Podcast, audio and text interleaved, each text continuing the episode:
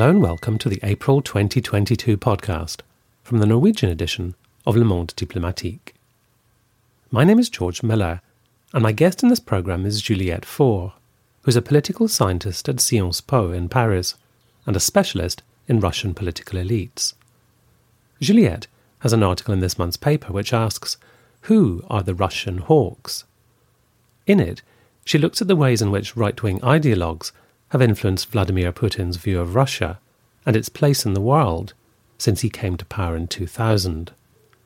She highlights in particular the Izborsk Club, a sort of right wing think tank, as the engine driving the project of so called national patriotism.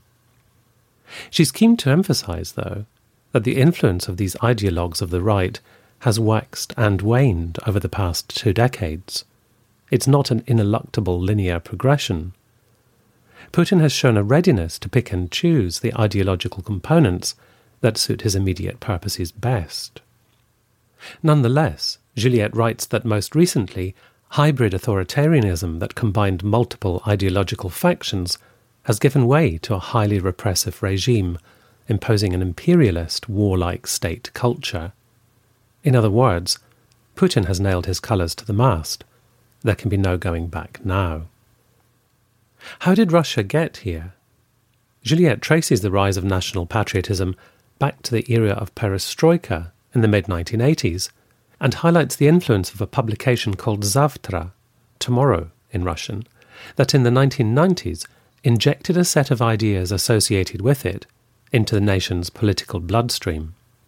I began by asking her to tell me more. So, Zavtra was um, the rallying platform for a group of Russian conservatives that we can call the national patriots, and to whom the restoration of Russia's great power had to come with uh, military and civilizational confrontation with the West. So um, Zavtra's columnists included uh, a wide range of people, including Stalin supporters, nationalists, monarchist Orthodox priests, or even Muslim traditionalists. And some of the famous names, like some of the popular Zavtra contributors included the Eurasian thinker Alexander Dugin, the national Bolshevik writer Edward Limonov, or the Communist Party leader um, Gennady Zyuganov. And this very eclectic group, in fact, gathered around a common rejection of the post Soviet democracy, economic liberalization, the power of the oligarchs, the westernization of the Russian society, and also the US dominance over the international order. The National Patriots, um, as a political ensemble, had a common dream, which is to rebuild a strong state that would combine the traditional spiritual values of the Tsarist Imperial Russia with the Soviet Union's military and technological might. So they begin as this kind of oppositional force. They don't like the direction Russia is taking under Yeltsin.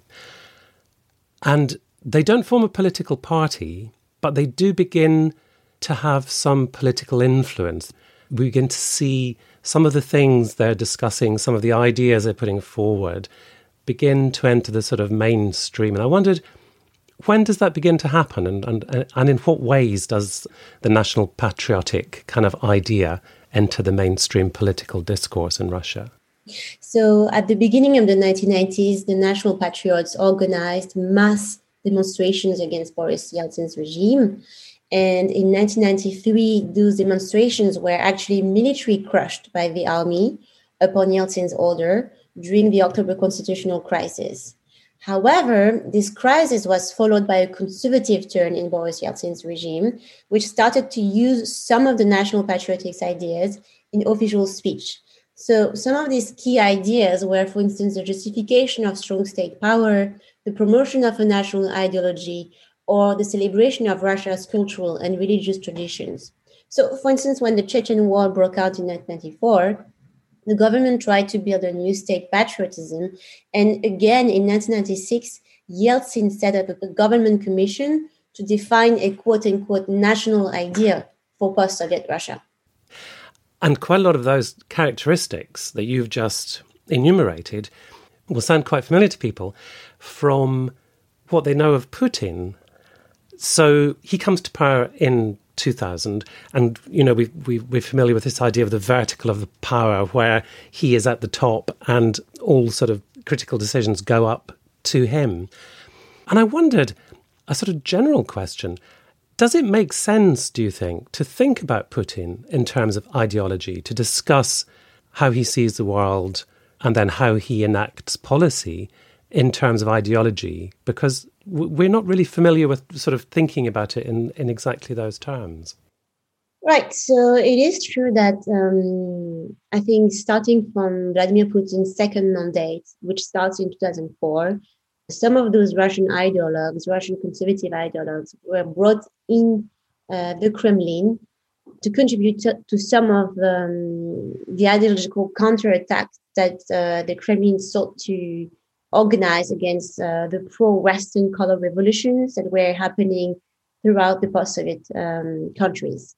So, for instance, Putin's political party, United Russia, invited people like Dugin and Prokhanov. So, those are among the most radical conservative ideologues. So the party invited them to address the pro-governmental youth movements such as Nashi or Molodaya Gvardia. Now, the way I see it is that the use of these ideologues by the Kremlin has been actually quite circumstantial and also interactional, that is, in relation to the influence of other groups.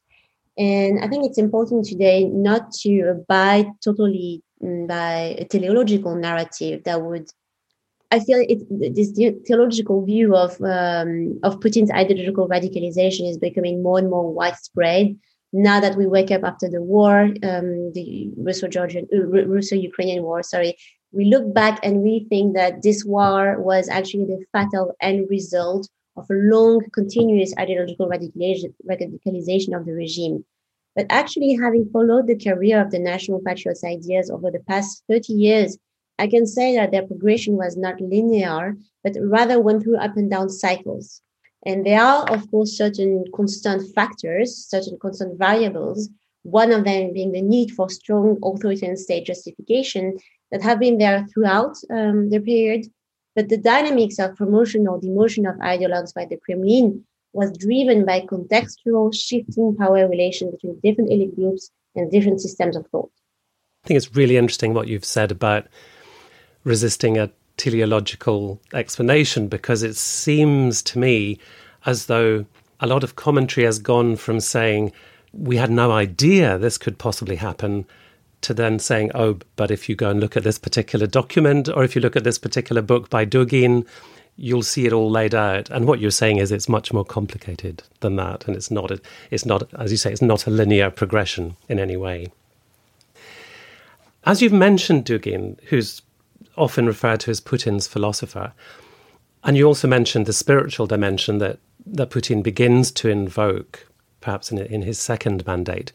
I just wanted to sort of pause on this this idea of a spiritual dimension to what um, to what Putin is talking about, because I think you know we in the West might feel it was a cliche to talk about you know Russian spirituality or you know the Russian soul or Russian identity in some kind of essentialist way, but really if you look in Dugin's writing, there there are elements of, of those things. So how much how much is Putin playing on this idea of of a sort of distinct Russian spiritual sense? Would you say? Well, in fact, uh, it's interesting because the the concept of spirituality in Russian dukhovnost is not new in Russian politics. Actually, it has a long history that goes back even to the Soviet times. And for instance, a scholar like Kathy Rousselet has shown that this concept was used by Soviet officials, in particular during Brezhnev's rule, and it was then meant as a secular, cultural, moral value that should replace traditional religions' functions of social integration and unification. So spirituality gradually recovered a religious dimension in the discourse of Soviet nationalists and conservative intellectuals who had rediscovered the pre-revolutionary Slavophile philosophy. And in today's Russia, spirituality and spiritual values have indeed become increasingly central in Vladimir Putin's speeches. And uh, even if we look at official policy documents or, for instance, the national strategy doctrines, they do recognize a quote unquote spiritual sovereignty that is defined as the country's core set of religious and traditional values and they attribute to this spiritual sovereignty um, a key security aspect. To them, it's one of the key dimensions of the country's national security. At this point in my conversation with Juliette, I moved on to discuss the Izborsk Club, and we experienced some technical problems with the recording. So before resuming the interview, let me just summarize what Juliette said by way of introducing the Izborsk Club. The Izborsk Club was named after an ancient fortress near the Estonian border and was founded in 2012. It was intended, according to its website, to be a quote, powerful political and ideological coalition of patriotic statesmen, an imperial front that opposes the manipulations of foreign centres of influence. Unquote. It currently has around 60 members, including intellectuals, academics, politicians, entrepreneurs, journalists, artists, clerics, and members of the security forces. Notable figures include the economist who advised Putin on Eurasian economic integration and the Russian Orthodox cleric reputed to be his personal confessor. The club has the support of senior members of the political elite. One such is Culture Minister Vladimir Medinsky, who will crop up later in the Ukraine story. So back now to my conversation with Juliette. Next, I asked if the Izborsk Club had much visibility with a wider Russian public. Um, yeah, I think that's one of the interesting dimensions of ideology in Russia today. It is, in fact, uh, aimed at um, the Russian political elite rather than the general public. However, the Izborsk Club does have some public outreach, primarily because it has been actively working with the Ministry of Education on the development of patriotic education programs for young people also, uh, some of the prominent club members like Prokhanov or Sergei Glaziev are very active and present in the Russian media, especially in political TV shows with mass audiences. But I would say that the primary targets for the, the Izborsk Club are Russia's policy circles, and the club has been supported by senior members of the political elite. So, in what ways do you see its influence in in Russian politics. And if it's not really so much aimed at the public, but actually policy makers and people in power, how does that become visible or perceptible in legislation or policy directions?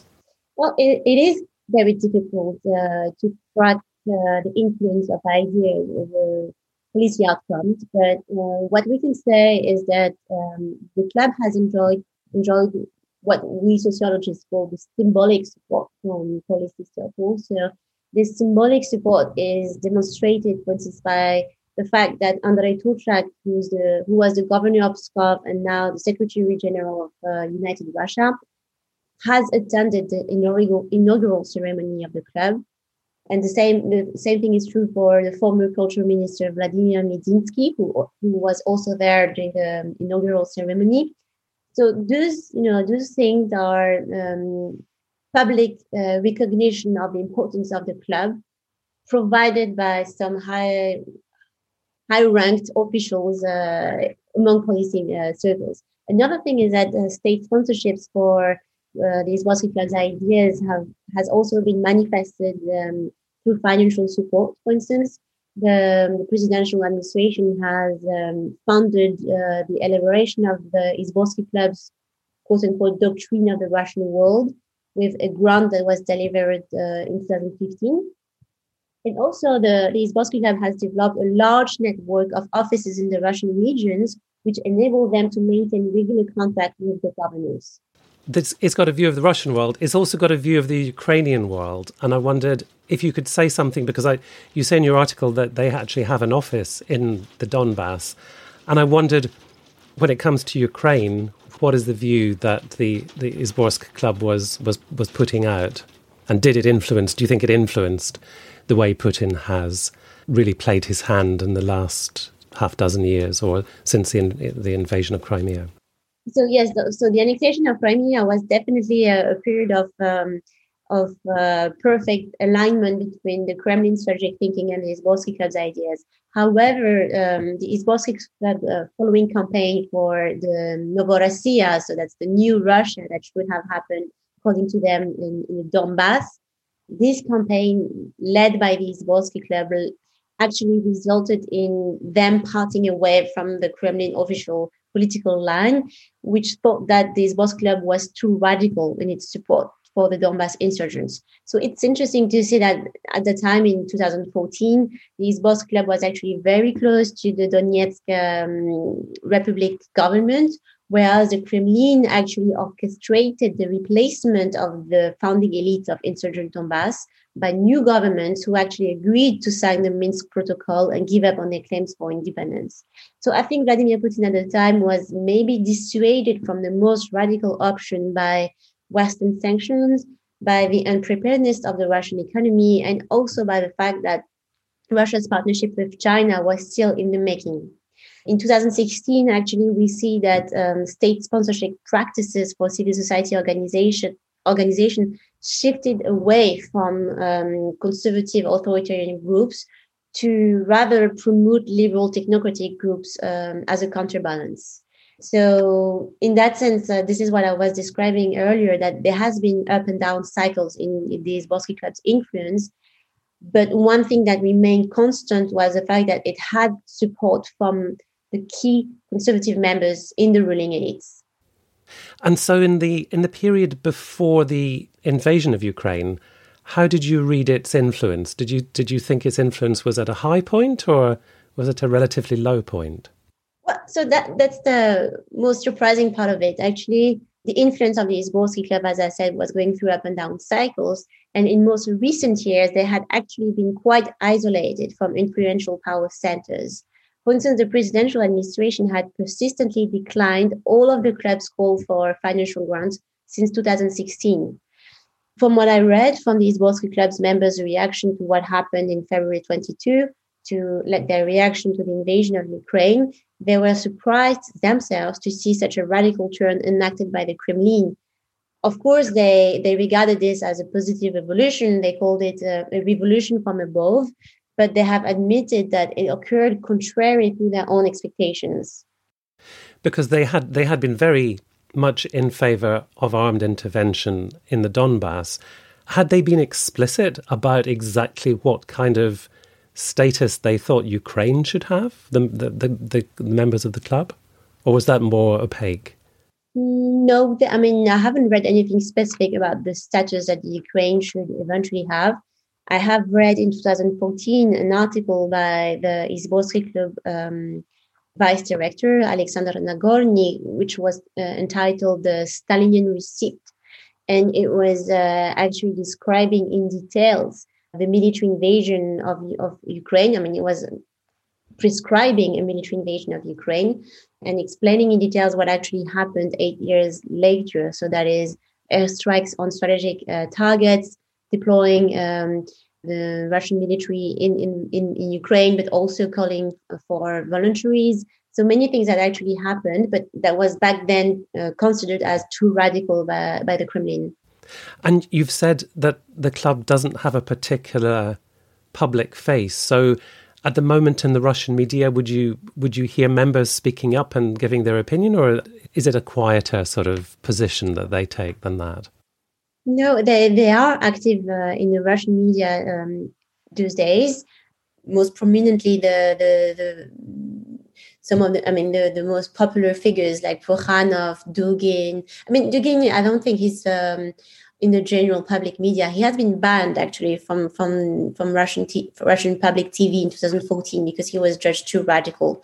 But Prokhanov, uh, certainly Averyanov as well, and all the members of the Izborski Club are there out there uh, in the media, but also in, in social networks. And you can tell, yes, that they have aggregated a certain audience that's now you know representing those ideas and, and spreading them and, and, and using them as a way to justify retrospectively what happened. And when you as a, a russian specialist listen to commentary coming out of the kremlin what kind of signs are you picking up as far as putin's intentions or who he's listening to or whether there might be some. There's clearly been an evolution in his in his war aims. They've they've changed quite a lot in the last um, week or so. But with your sort of specialist knowledge, what kind of things do you pay attention to when you hear a, a statement or a speech or a position that, that's coming from the Kremlin these days?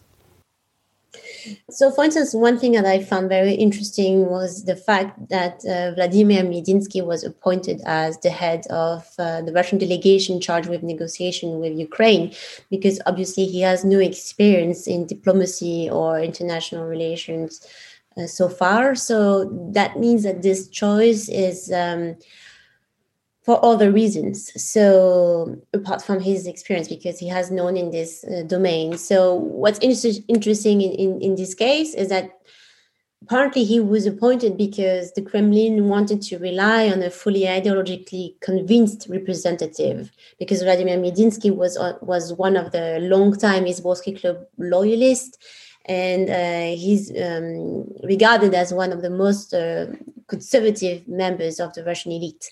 So to me, the, these are some of the interesting signs of, that are coming from the Kremlin and that help to analyze where the wind is shifting. And in terms of um, vocabulary and lexicon used by uh, Vladimir Putin, it's interesting to see even you know before the um, the invasion, his article in July 2021 about the unity of the Russian and the Ukrainian people was already using some of the characteristic language of the Izborsky Club that I had seen earlier in, in some of the articles of, of the club. So that is his thesis about the so-called uh, I don't think he's using genocide in this article, but he's he's using the term Russophobia, which is a very very key word for all of this national patriotic environment. The fact that uh, a genocide is supposedly being perpetuated upon Russian minorities outside um, in the post-Soviet states. So these key words, these key uh, theses that have been developed for the past 30 years by those national patriotic groups and are now becoming um, incorporated in, in official speech. Another interesting thing that happened very recently was the article that was published in uh, on the website of uh, RIA Novosti, who's like the official mouthpiece of the of the regime, uh, like the, the journal associated to the Ministry of communication, the Russian Ministry of Communication, and this article about the, the complete eradication of Ukraine as a state was horrific because of its very radical and brutal way of, of, of praising violence and praising war against Ukraine and, and ultimate destruction of Ukraine. The fact that such an article is now published in mainstream official media whereas before it was actually the, the discourse of extreme marginalized people i think is interesting to see this career of ideas from the fringes to the mainstream of the public sphere and when you get to the stage that Putin is using this worldview as a justification for war, that cycle of the up and down that you described, you can no longer go through that because he's he's bet everything on it, hasn't he? He's, he's sort of gone all in. There's no more sort of dissolution between him and that ideology. He's he's going to be identified with it forever now, isn't he? No matter what the outcome is for him or for Russia or for Ukraine, he's sort of nailed his colours to that mast. Yes, that's also the way I see it. I think this invasion of Ukraine uh, signaled the evolution of the Russian political system from a hybrid authoritarianism that rested on political flexibility, on plural ideological factions, to um, the implementation of a full fledged repressive uniformization of an imperialist state culture. So, indeed, I think there's no way back because um, this is um, not something you can you can change. I mean, Whereas Vladimir Putin was, you know, attentive to this political flexibility. Now he's made a choice that with no way back. However, what's also interesting is to see that, you know, again, he's sort of practicing this uh, policy of, of, of, blending different types of political elites because he has on one side Vladimir Medinsky as the head of the Russian delegation in charge of negotiations with Ukraine. And on the other, other side, what we've seen recently is the influence of um, the oligarch uh, Roman Abramovich, who's been now included in the negotiation processes. And that shows that, you know, the so-called economic pragmatists also retain some influence over the Kremlin. I was speaking to Juliette Faure whose article in this month's edition of Le Monde Diplomatique in Norwegian asks Who are the Russian hawks? The latest edition of the paper is available to our subscribers and also on sale on newsstands across Norway and Denmark. Subscribers can also access it and the complete archive of the paper online at www.lmd.no. If you're not yet a subscriber, there's plenty of open access content online to entice you to become one. In the words of John Berger, why read LMD? To make sense of what's happening in the world behind the misinformation. I hope you'll join me again next month for another interview with one of our contributors. Until then, thank you very much for listening, and goodbye.